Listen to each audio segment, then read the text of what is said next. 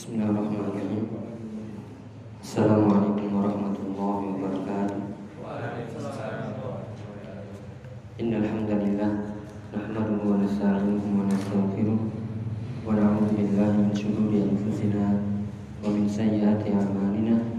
May yahdihillahu fala mudilla lahu wa may yudlil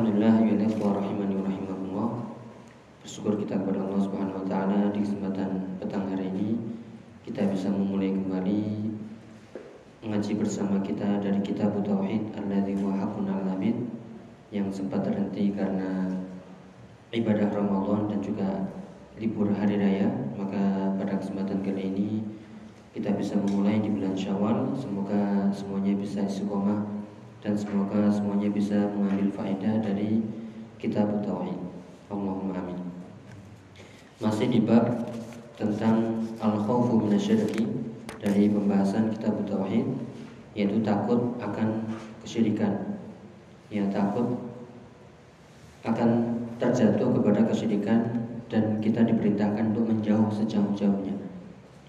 Di ayat yang sudah disebutkan di awal yaitu firman Allah taala innallaha la yaghfiru ay yushraka bihi wa yaghfiru ma duna dzalika liman yasha. Di surat An-Nisa ayat 48 dan 116. Ini ayatnya sama ya. ya, sedikit murojaah. Innallaha la yaghfiru ay yushraka bihi.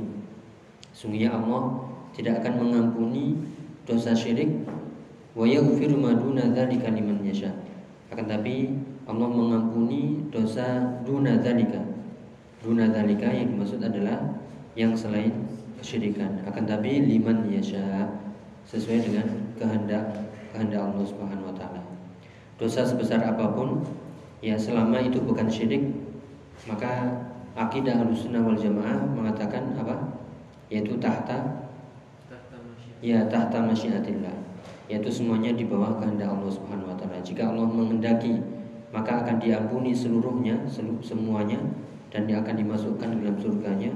Dan jika Allah menghendaki pula dengan keadilannya dan rahmatnya, dengan keadilannya, maka Allah akan mengazab sesuai dengan ya dosa-dosa yang dia lakukan. Ya, adapun di sini penegasan bahwasanya innallaha la yaghfiru ay bih. Di situ ada an ya, an masdariyah bertemu dengan fi'il mudhari. Yang di sini maknanya adalah innallaha la yaghfiru isyrakan. Itu Allah tidak akan mengampuni dosa syirik apa pun. Ya, berarti mau syirik besar mau syirik kecil semuanya adalah dosa dosa besar.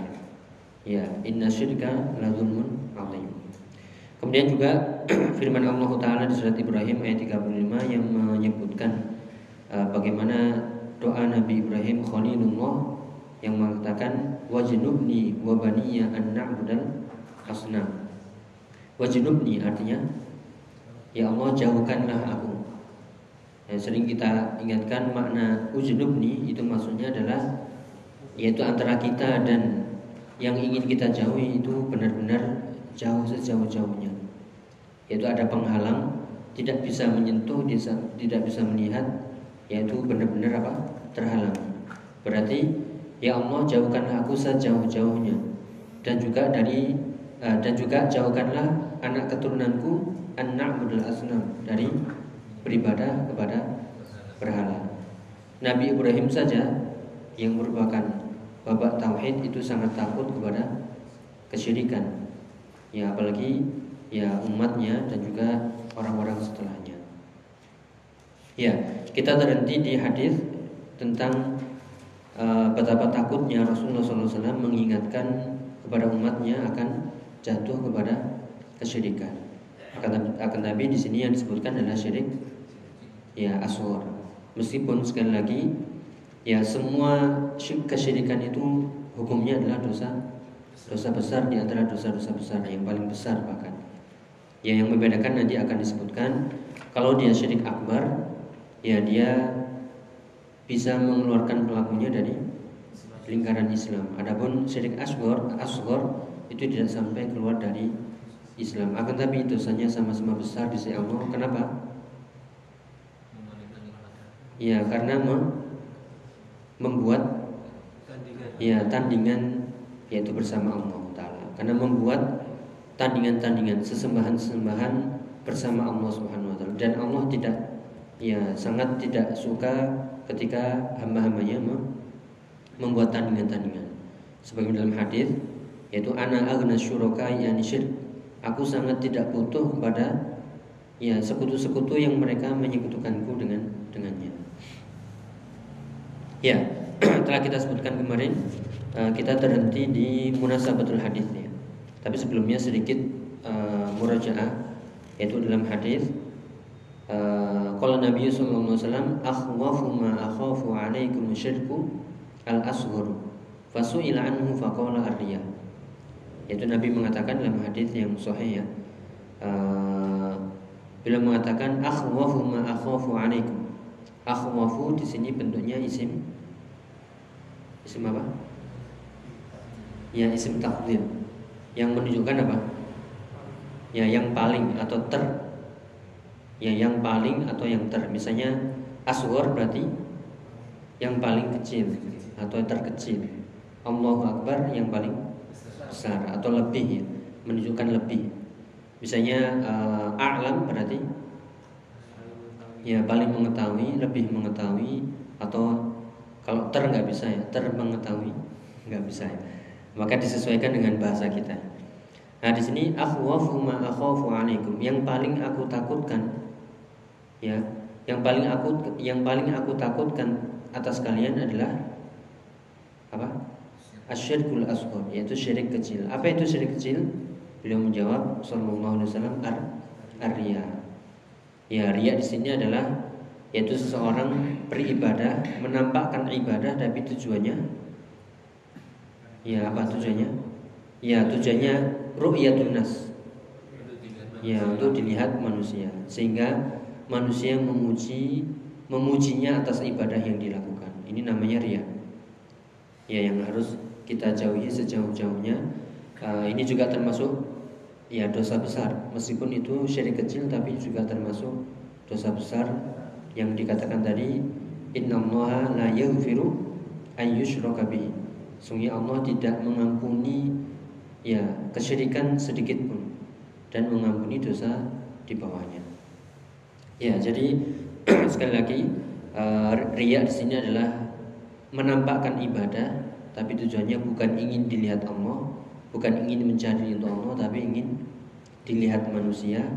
Kemudian ingin mencari ridho manusia dengan manusia memuji yang memuji kepadanya. Ya telah kita sebutkan kemarin. Semoga masih ingat ya di pertemuan sebelumnya. Kenapa Rasulullah sangat takut hal ini terjadi kepada umatnya dan kenapa Rasulullah mengingatkan hal ini dengan seolah-olah uh, dengan rasa takut yang besar. Alasannya kenapa? Masih ingat? Ada yang mencatat? Ya mencatat dalam hati, dalam pikiran Atau diingat-ingat uh, ketika mendengar dahulu ya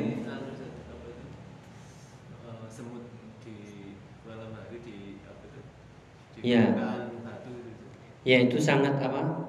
Uh, ya, sangat benar-benar terjadi. Tapi alasannya kenapa? Kenapa? Ya penyakitnya orang beriman. Kurang dikit lagi. Ada itu kemarin uh, di, Dibacakan di sini. Kalau tadi sebelum taklim membaca Insya Allah ketemu jawabannya. Ya Ya, alasannya kenapa? Kenapa Rasulullah me, seolah memberikan peringatan dengan penuh rasa takut? Dengan mengatakan yang paling aku takutkan kepada kalian adalah syirik kecil yaitu riak. Kenapa Rasulullah sangat takut hal ini terjadi kepada umatnya? Jawabannya? Iya. Nah kemarin atau di pertemuan sebelumnya ya eh, kita murojaah alasannya adalah karena dorongan untuk berbuat ria itu sangat besar pada manusia. Iya, nggak juga orang beriman semuanya. Ini mungkin juga kita ralat di pertemuan sebelumnya. Artinya manusia itu pasti suka apa? Suka pujian, suka menunjukkan ya, menunjukkan lebih. Ini saya punya, ya mana. Uh, suka dipuji, suka menampakkan sesuatu, sehingga ini diperingatkan jangan sampai yaitu manusia atau umatnya terjatuh kepada kesyirikan gara-gara menuruti apa ini? Ya nafsunya. Ya apa? Ya suka tampil. Yaitu itu bawaan manusia, suka dilihat uh, suka dilihat orang, suka dipuji, ya suka di like ya, suka di subscribe dan lain sebagainya. Followernya banyak suka itu bawaan manusia. Nah, ini diperingatkan khususnya dalam ibadah jangan sampai ini terjadi. Nah, kalau ditambahkan dengan tadi, karena hal ini terjadi dengan begitu lembutnya, bahkan sampai ya selembutnya, uh, saking lembutnya itu seperti ya semut, yaitu hitam di atas batu hitam di tengah malam, nggak kelihatan, ya nggak kelihatan. Selain terjadinya lembut, ya juga bawaan manusia memang suka itu. Berbeda dengan syirik akbar. Kalau syirik akbar jelas-jelas ya uh, sujud kepada selain Allah, berdoa kepada selain Allah, kemudian minta kepada selain Allah atau ada yang terang-terangan kepada berhala, kepada patung yang tidak bisa berbicara dan seterusnya. Ya, jadi ini uh, kenapa Rasulullah sangat takut hal ini terjadi karena ini adalah bawaan manusia yang sukanya itu suka dipuji, ya suka di apa? ya suka disanjung ya uh, suka jabatan dan seterusnya sehingga harus diingatkan ya sekarang sekarang kita baca munasabatul hadis lil bab. Yaitu kaitannya hadis ini dengan bab uh, takut dengan kesyirikan. Apa kaitannya hadis ini dengan bab takut akan syirik? Ya silakan. Ada yang membaca? Ya silakan. Uh, munasabatul hadis lil bab. An-nafi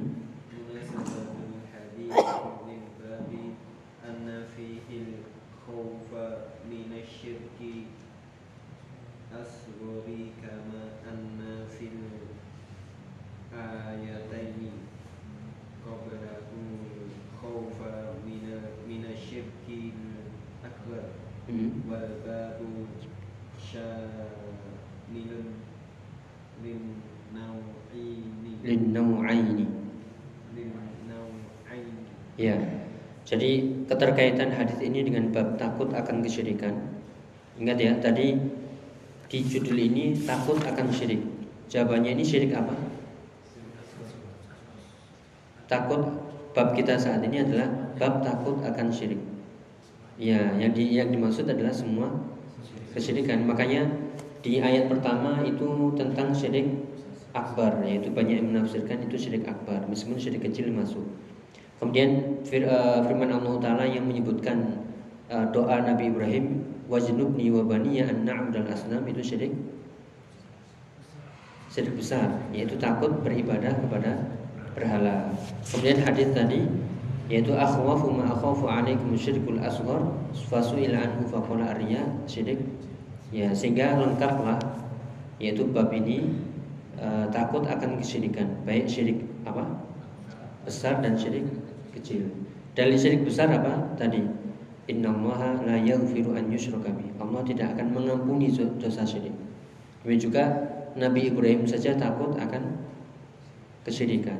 Dan juga demikian juga hadis tentang Rasulullah sangat takut terjadi kesyirikan yaitu syirik kecil kepada umatnya. Sehingga lengkaplah uh, dalil-dalil uh, yang menunjukkan bahwasanya kita harus takut kepada kesyirikan.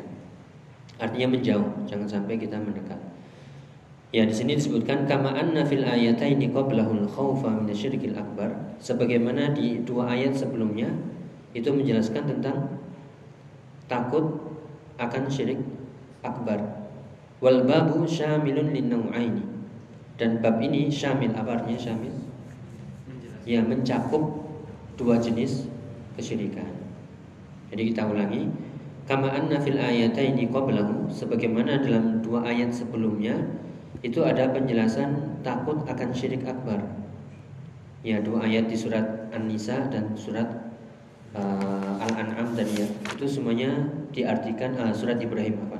Surat Ibrahim itu semuanya takut akan syirik akbar. Kemudian plus hadis Rasulullah sangat takut kesyirikan yaitu syirik kecil terjadi kepada umatnya itu syirik kecil sehingga lengkaplah uh, bab ini syamilun li nau'aini, mencakup dua jenis kesyirikan. Ya, itu uh, kaitan hadis ini dengan bab takut akan kesyirikan. Sehingga kita artikan takut akan kesyirikan ini dua-duanya. Jangan sampai kita menganggap remeh ya. Ria itu biasa. Ya, padahal ria tetap ya syirik besar. Bahkan itu menghapus amalan yang menyertainya ketika dia sholat disertai ria terhapus ya, amalannya yang membedakan hanyalah dia tidak sampai keluar kepada ya kepada kekufuran kepada murtad. Baik, eh, berikutnya ma yustafadu min hadis apa yang bisa kita ambil faedah dari hadis ini? Faedah apa yang bisa kita ambil dari hadis ini? Yang pertama silakan. Ya nomor satu syiddatu monggo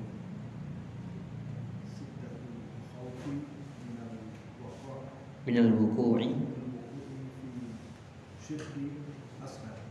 nah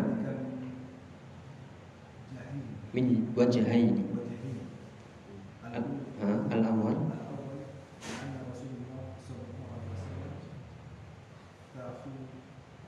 takhawwafa min wuku'ihi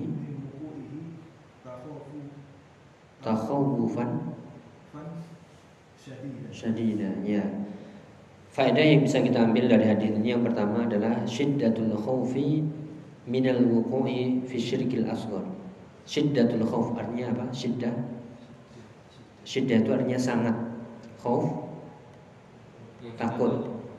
Jadi yang bisa kita ambil adalah kita harus benar-benar takut minal wuqu' fi syirkil asghar. Kita harus benar-benar takut yaitu akan terjadi atau terjatuh kepada syirik asghar. Makanya jangan sampai kita meremehkan uh, ria, sum'ah, ya syirik kecil itu ya tetap harus kita sangat-sangat takut. Sebabnya apa? Dzalika min wajahaini.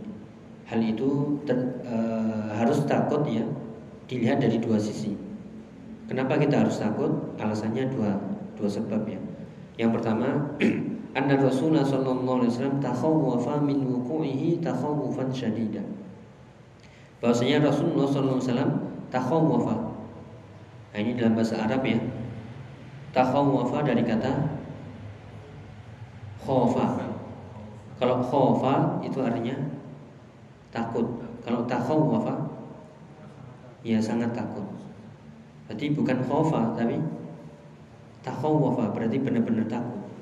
Ya Rasulullah saja memperingatkan dengan penuh rasa takut jangan sampai ini terjadi.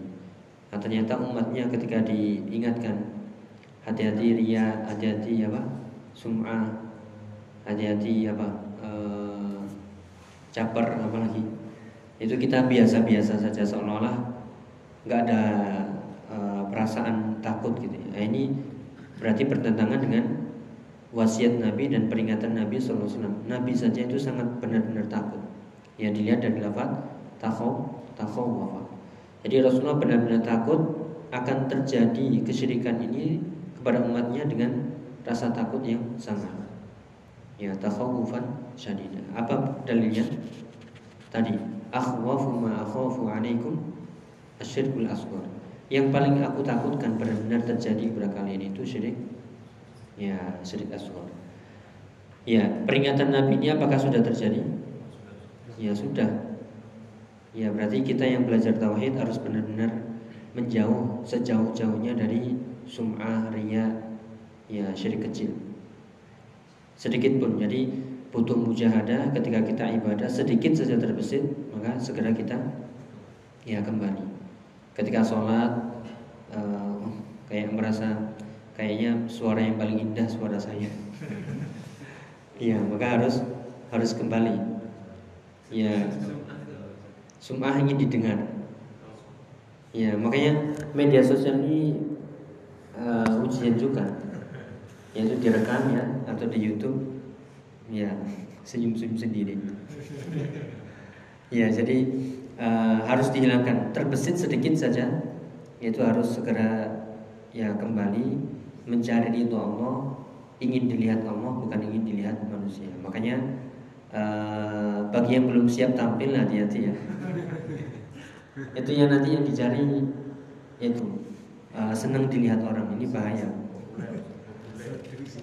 Iya, kalau sudah senang dilihat orang, senang disebut namanya, berarti ini sudah.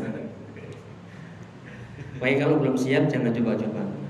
Demikian juga uh, yang sudah terjun ya, artinya ya para asatidah kita, para masyayikh kita itu harus selalu memang diingatkan uh, harus ikhlas, ikhlas itu memang harus ya wajib. Ya meskipun kadang terbesit, ya, ya harus kembali lagi. Ya, itulah pentingnya ngaji ya.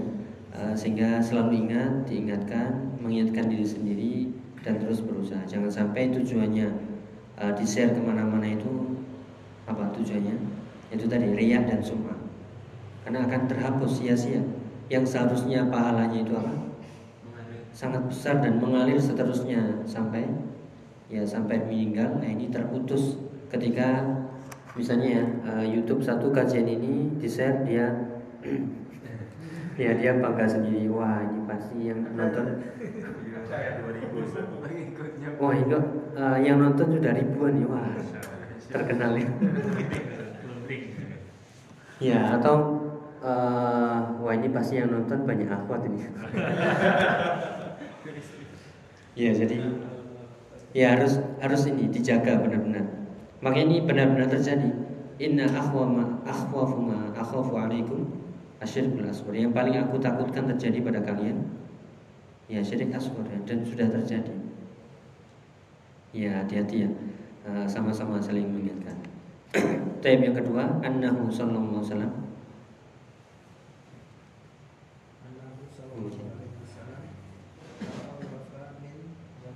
min wuku'ihi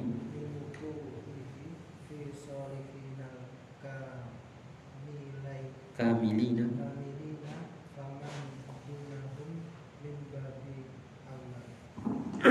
Ya, yang kedua, sebab kedua kenapa uh, kita harus sangat-sangat takut akan kesyirikan sering tadi ya. Rasulullah benar-benar sangat takut ini terjadi. Nah, maka kita juga harus men mencontoh yaitu akidah Rasulullah, mencontoh perbuatan Rasulullah. Rasulullah saja keyakinannya takut ya. Yaitu perbuatannya dan ucapannya benar-benar menunjukkan takut akan syirik asghar. Berarti kita harus sama. Kemudian sisi yang kedua, sebab yang kedua, annahu sallallahu alaihi wasallam min fi. Yaitu beliau sangat takut ini terjadi yaitu kepada as-shalihin al-kamilin, orang-orang soleh yang kamil, apa kamil? Yang sempurna, yang mulia. Ya. Kenapa? Karena lafadznya itu adalah in uh, akhwafu ma akhafu alaikum. Kum di sini siapa? Kalian. Uh, kalian siapa? sahabat yang diajak bicara yaitu sahabat yang mulia terjadi pada orang-orang soleh. Apakah ini khusus berarti untuk orang-orang soleh saja? Berarti yang nggak soleh aman dari syirik? Ya itu maksudnya. Famin faman dunahum min babil awal. Kalau ini terjadi pada orang soleh yang sudah jaga diri, selalu jaga ikhlas, masih khawatir kena ya. Apalagi yang yang nggak soleh sangat mudah terjadi. Ya karena uh, ada akhwat yang chatting satu misalnya oh, langsung. Ya atau misalnya ada yang muji satu udah terbang nggak nggak turun-turun. Ya, ini berbahaya. Yang orang soleh saja itu sangat Rasulullah sangat takut itu terjadi, apalagi bagi orang yang derajatnya di bawah orang-orang soleh. Maka lebih lagi, maka harus lebih takut lagi. Berarti uh, intinya semuanya baik orang soleh ya atau yang di bawah mereka maka itu harus takut akan ya syirik syirik kecil yaitu riya dan sum'ah ya e, pernah kita sebutkan di pertemuan sebelumnya e, bahkan lebih jelas lagi e, contoh dari syirik kecil itu adalah seperti apa kemarin yaitu seseorang yang sholat dan memperbagus gerakannya sholatnya kenapa ingin dilihat manusia. Itu salah satu contoh ria. Ya. Eh, adapun secara bahasa ria itu dari kata roa. Pernah kita sebutkan kalau roa artinya melihat. Kalau roa dipanjangkan memperlihatkan. Makanya di surat Al-Maun alladzina hum yuraun. Bukan yang melihat tapi yang yang memperlihatkan amalan biar dilihat. Ya, jadi itu Uh, sebabnya kenapa kita harus takut? Uh, karena ini peringatan keras dari Nabi SAW bahkan dengan penuh rasa takut ini terjadi pada umatnya. Ya baik orang-orang soleh dan orang-orang yang di bawahnya. Tapi ya, semoga uh, maka ini diingat-ingat setiap amal soleh mulai dari sekarang terbesit sedikit saja ria dan sumah segera ya ditarik lagi. Ya jangan diteruskan Iya kalau nggak usah sholat kena setan lebih besar dari dia. Kan uh, apa? Tarkul amal di ajlinas itu syirkun malah. Ya meninggalkan amalan karena takut manusia itu malah syirik. Kenapa? Karena dia takutnya kepada manusia, sungkan apa daripada ini mendingan nggak usah sholat. Ya, ya itu meninggalkan amal karena manusia itu syirik. Sedangkan ikhlas itu adalah kita selamat yaitu dengan tetap beribadah, nggak peduli ucapan manusia, penglihatan manusia, penglihatan manusia yang kita tuju hanyalah ya Allah Taala saja. Yaitu mencari itu Allah semata. Ya, yang kedua silakan. Syiddatu syafaqatihi.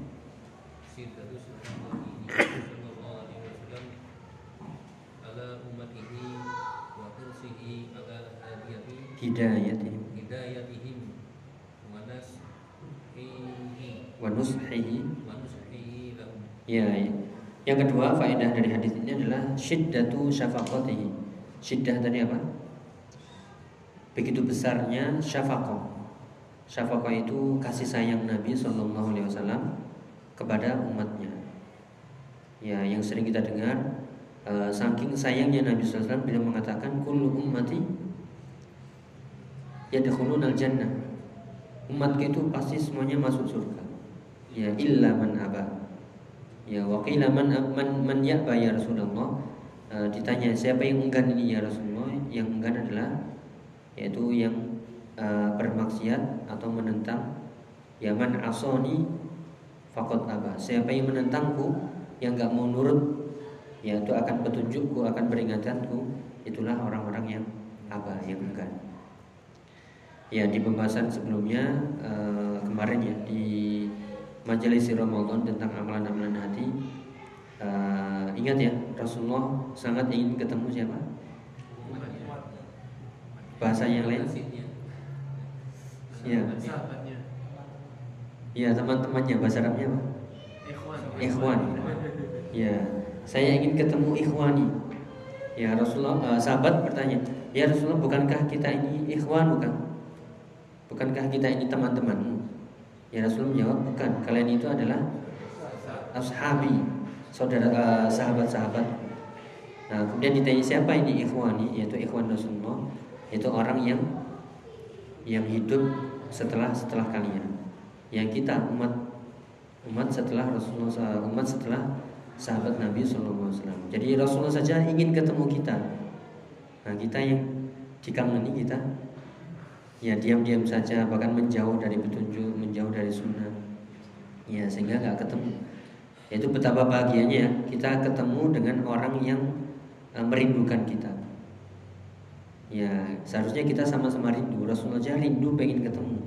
Tapi kenapa kita nggak nggak juga rindu pengen ketemu Rasulullah SAW? Maka uh, terus ya kita belajar uh, sehingga kita bisa merasakan Rasulullah saja rindu. Bahkan Rasulullah ingin semuanya masuk surga. Caranya adalah dengan taat kepadanya dan tidak bermaksiat kepadanya. Ya, yaitu bentuk e, kasih sayang Nabi, sangat sayangnya Nabi kepada umatnya adalah e, bila memperingatkan akan kesyirikan, karena ini akan membinasakan umatnya. Dan juga hirsihi ala hidayatihim, begitu semangatnya Nabi memberi petunjuk kepada umatnya. Ya, dan juga wanushihi lahum dan begitu tulusnya Rasulullah menasihati umatnya.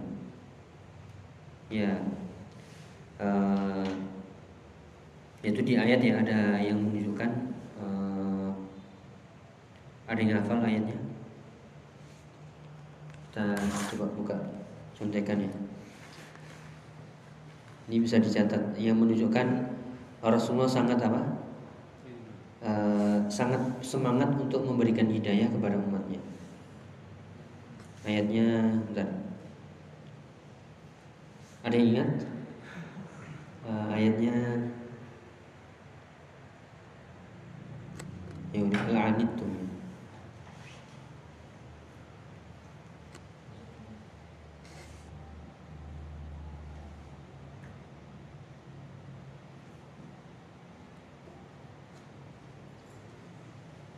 Iya, bukan.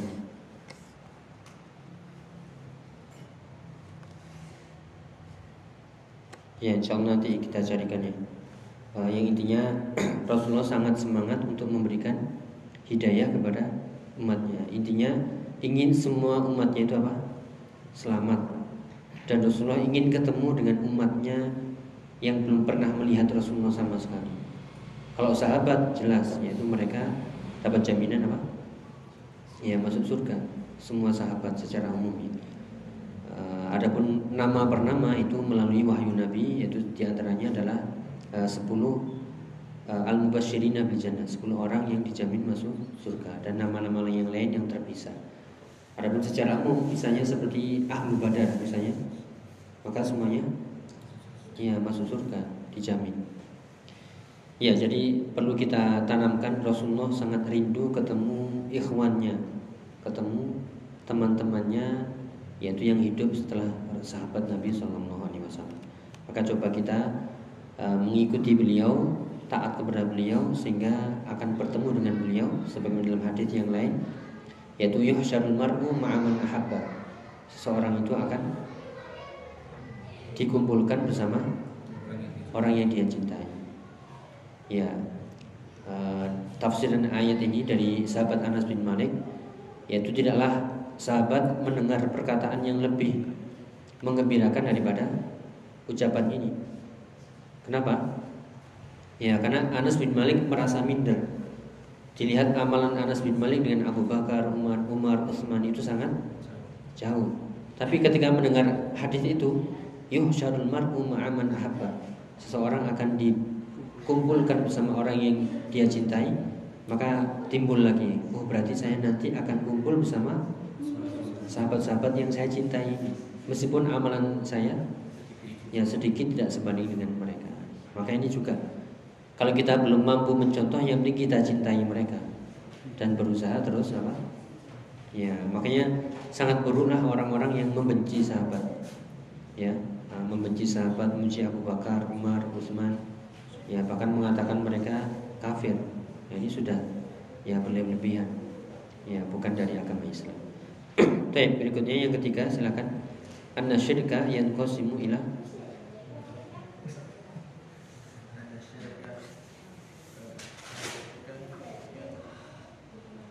qasimu.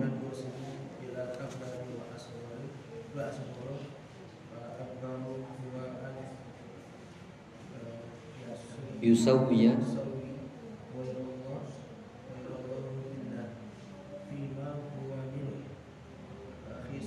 khoso isillah.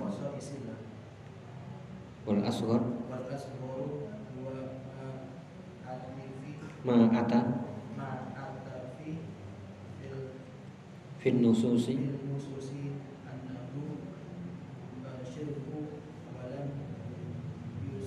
walam yasil ya kemudian syirik yang qasimu ila akbar wa asghar. Syirik terbagi menjadi dua, akbar wa asghar. Al akbar yang besar adalah an yusawwiya ghairallahi billahi fi ma huwa min khasaisillah. Yaitu menyamakan selain Allah dengan Allah pada hal-hal yang menjadi kekhususan Allah, mulai dari rububiyahnya, uluhiyahnya, asma wa sifat. Jika itu khusus untuk Allah, maka nggak boleh kita menyamakan dengan selainnya. Misalnya Allah menciptakan, maka kita meyakini ada selain Allah yang bisa menciptakan. Ini syirik akbar. Allah menurunkan hujan. Kalau kita meyakini ada selain Allah yang bisa menurunkan hujan, berarti syirik akbar. Allah yang menguasai seluruh alam semesta ini. Tidak ada sejengkal pun kecuali di situ Allah yang menguasainya. Kalau kita meyakini ada makhluk ya atau selain Allah yang menguasai sejengkal saja dari muka bumi, baik daratan ataupun lautan, maka kita terjatuh kepada kesyirikan yaitu syirik akbar jadi yang menjadi kekhususan Allah misalnya adalah itu rububiyah ya urusan uluhiyah misalnya doa apakah ini khusus hanya untuk kepada Allah ya kalau kita berdoa kepada selain Allah berarti ya syirik akbar kemudian tawakal misalnya tawakal hanya boleh kepada Allah kalau kita tawakal kepada makhluk ya berarti jatuh kepada syirik ya. Adapun asgor yang kecil adalah ma'ata fin nusus annahu syirik. Maksudnya di sini adalah dalil-dalil yang menunjukkan syirik. Ya. Dalil-dalil yang menunjukkan syirik akan tapi tidak sampai derajat syirik akbar. Ya. Makanya di sini para ulama mengatakan semua syirik itu dosa dosa besar. Cuma nanti dirinci. Ini masuk ke syirik akbar atau syirik kecil. Kalau dia sampai ke derajat syirik akbar maka dia ya bisa mengeluarkan pelakunya dari lingkaran Islam. Adapun syirik kecil, jadi semua nas-nas yang menunjukkan syirik itu semuanya adalah syirik ya syirik besar dan syirik kecil. Cuman nanti dipisah. Apakah jenis syirik ini sampai mengeluarkan pelakunya dari Islam? Jika tidak, maka itu syirik kecil. Misalnya riak tadi ya, Ketika seorang sholat ria sum'ah Apakah langsung murtad? Langsung keluar dari Islam? Tidak Berarti ini syirik kecil Ya jadi seperti itu Bedanya akan diperjelas silakan. Al wal farqu bainahuma nomor satu. Bedanya syirik kecil dan syirik besar. Satu Annal akbar. Yuhbitu.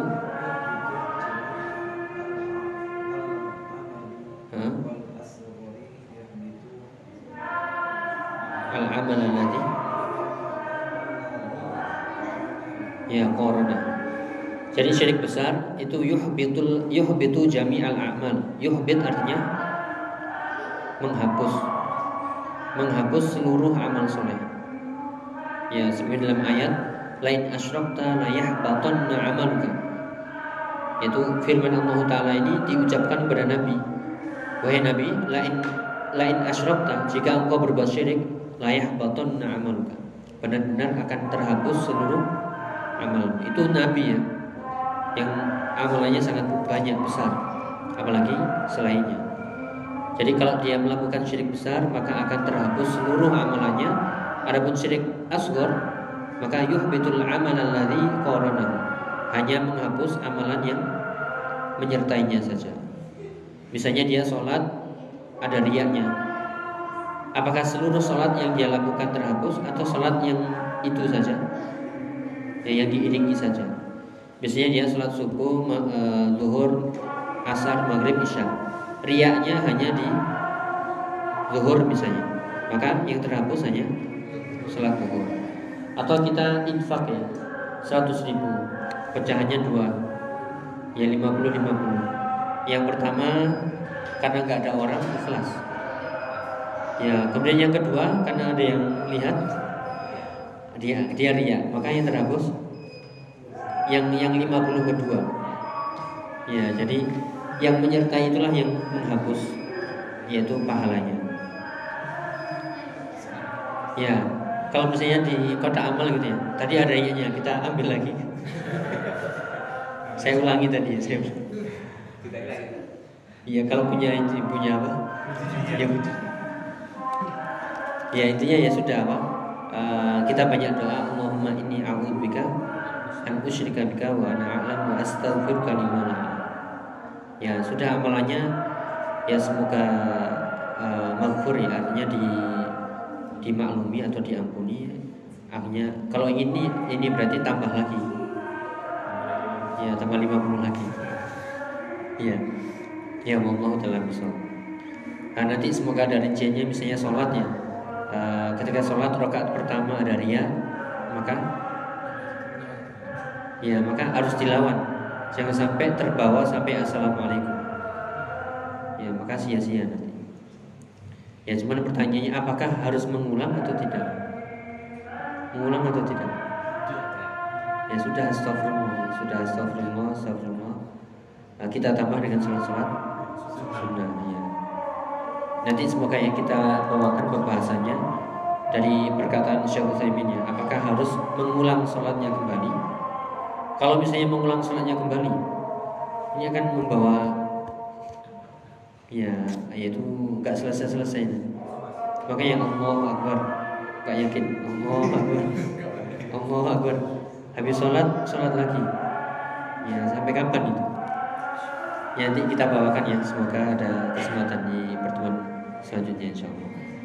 Ya yang B anal akbar yukhallidu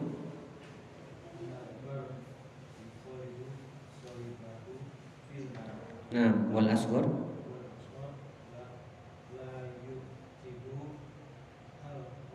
al khuluda Ya. Jadi uh, syirik akbar itu membuat pelakunya kekal di neraka. Alhamdulillah. Adapun syirik asgor tidak sampai membuat kekal di neraka. Dengan syarat ini ya, ketika dia mati dia belum sempat taubat, maka otomatis nanti akan disebutkan hadisnya man mata wa huwa yad'u lillahi dan dakhala Yaitu siapa yang meninggal dan dia menyekutukan Allah dengan tandingan-tandingan, maka dia pasti masuk neraka. Ya kekal selama-lamanya. Maka ini harus takut. Berarti dosanya sangat sangat besar membuat orang kekal ya nggak bisa keluar ini nggak bisa keluar dari neraka yang terakhir anal akbar yang kulu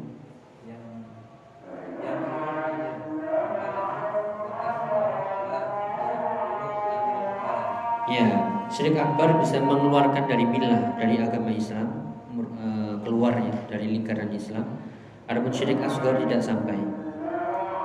Ya, itu yang membedakan antara syirik akbar dengan syirik asgar. Jadi bisa kita simpulkan syirik akbar yaitu membuat amalannya terhapus seluruhnya, hilang sudah. Syirik akbar bisa membuat kekal pelakunya di neraka, tidak akan bisa keluar. Dan juga syirik akbar bisa mengeluarkan seseorang dari Islam. Adapun syirik asgar sebaliknya. Ya Allah dalam bisawab itu mungkin yang bisa kita bahas. Uh, kita mohon kepada Allah Subhanahu Wa Taala agar kita dihindarkan, dijauhkan dan diselamatkan dari ya syirik asghar. Ya Allah, Allah taala bisawab. mungkin ada yang ditanyakan.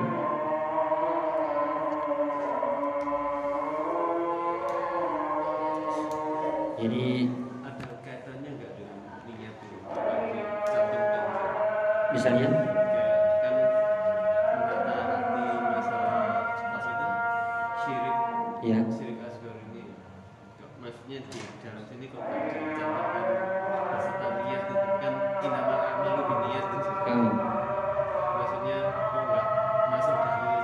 iya.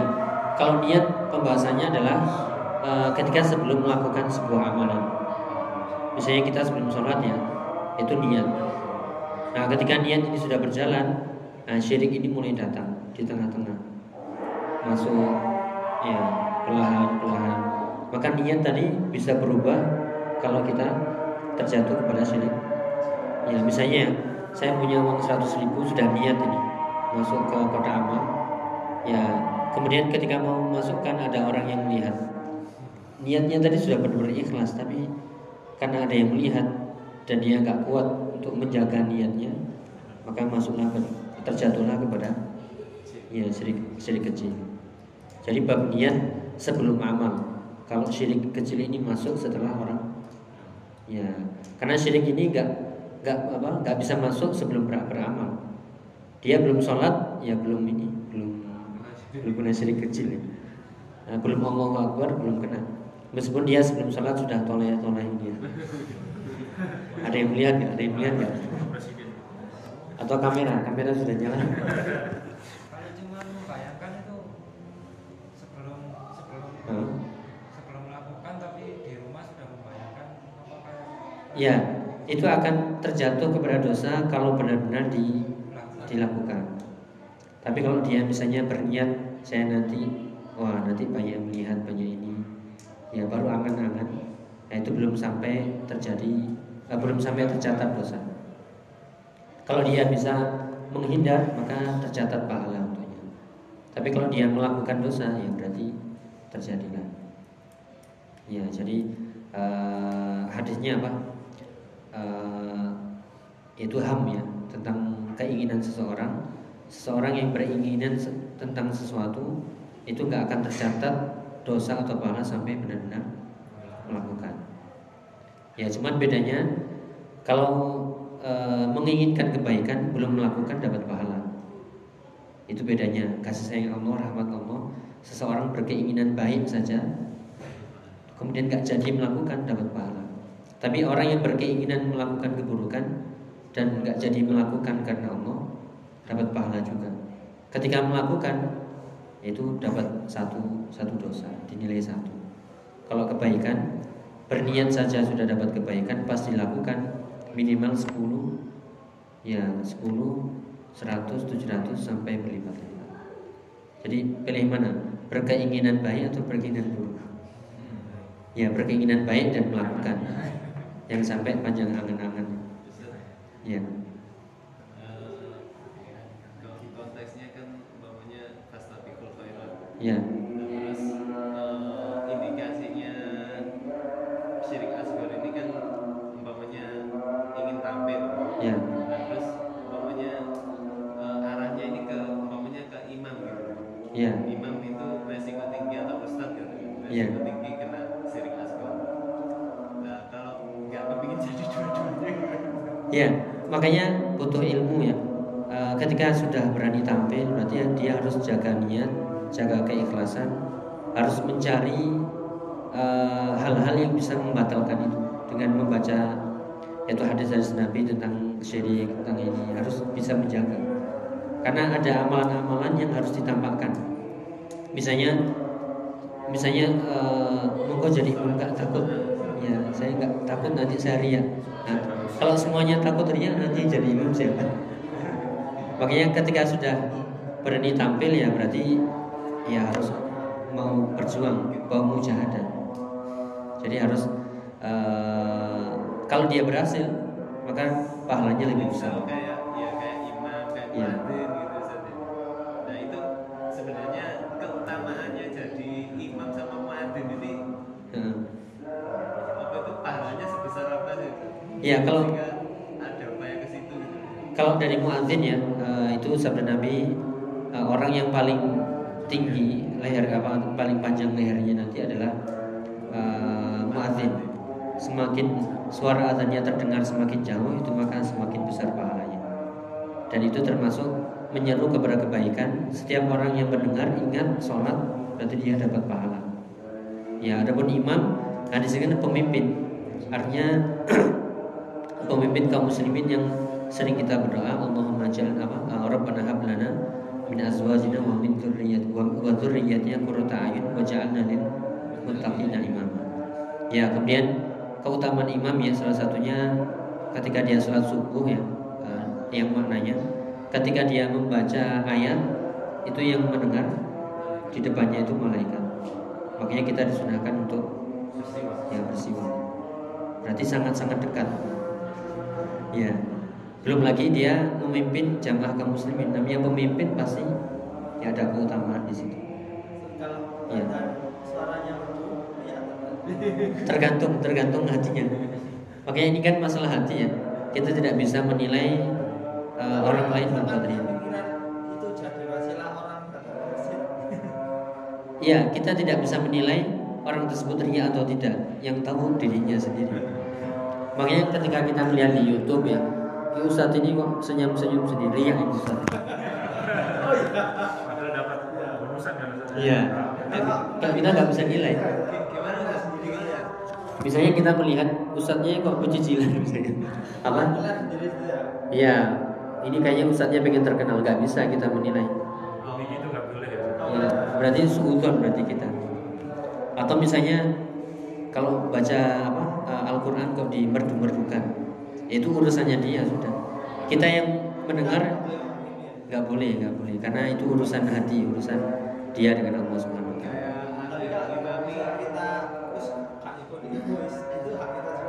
Yang penting jangan menjelekkan karena kita nggak tahu isi hatinya. Justru kita mungkin mengambil faedah. Oh, masya Allah apa suaranya lembut, bagus ya. Daripada di kampung suaranya cempreng ya. Nah, ini uh, bagus ya. Kita nikmati saja.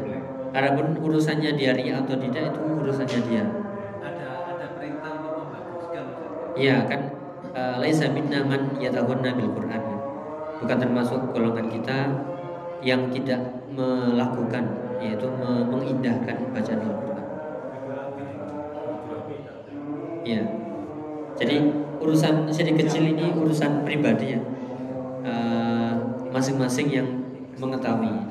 Adapun kita yang melihat nggak bisa kita menjustis ya atau menfonis, menghakimi si fulan riya, si sampai kita tanya kepada dia sendiri.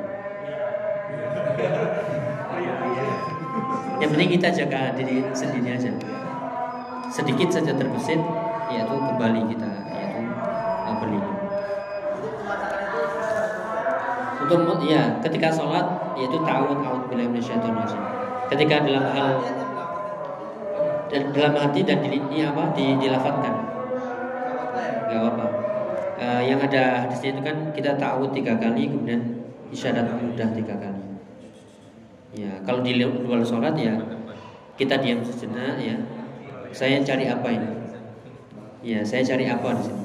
Mau cari pandangan manusia atau pandangan Allah Subhanahu. Jadi diam sejenak, ya kemudian lanjut lagi. Eh, tahan nafas ya, tahan nafas ya, diam sejenak. Eh, introspeksi yang muhasabah kemudian lanjut. Ya tahan nafas tadi bukan ya. Iya, Bapak. eh,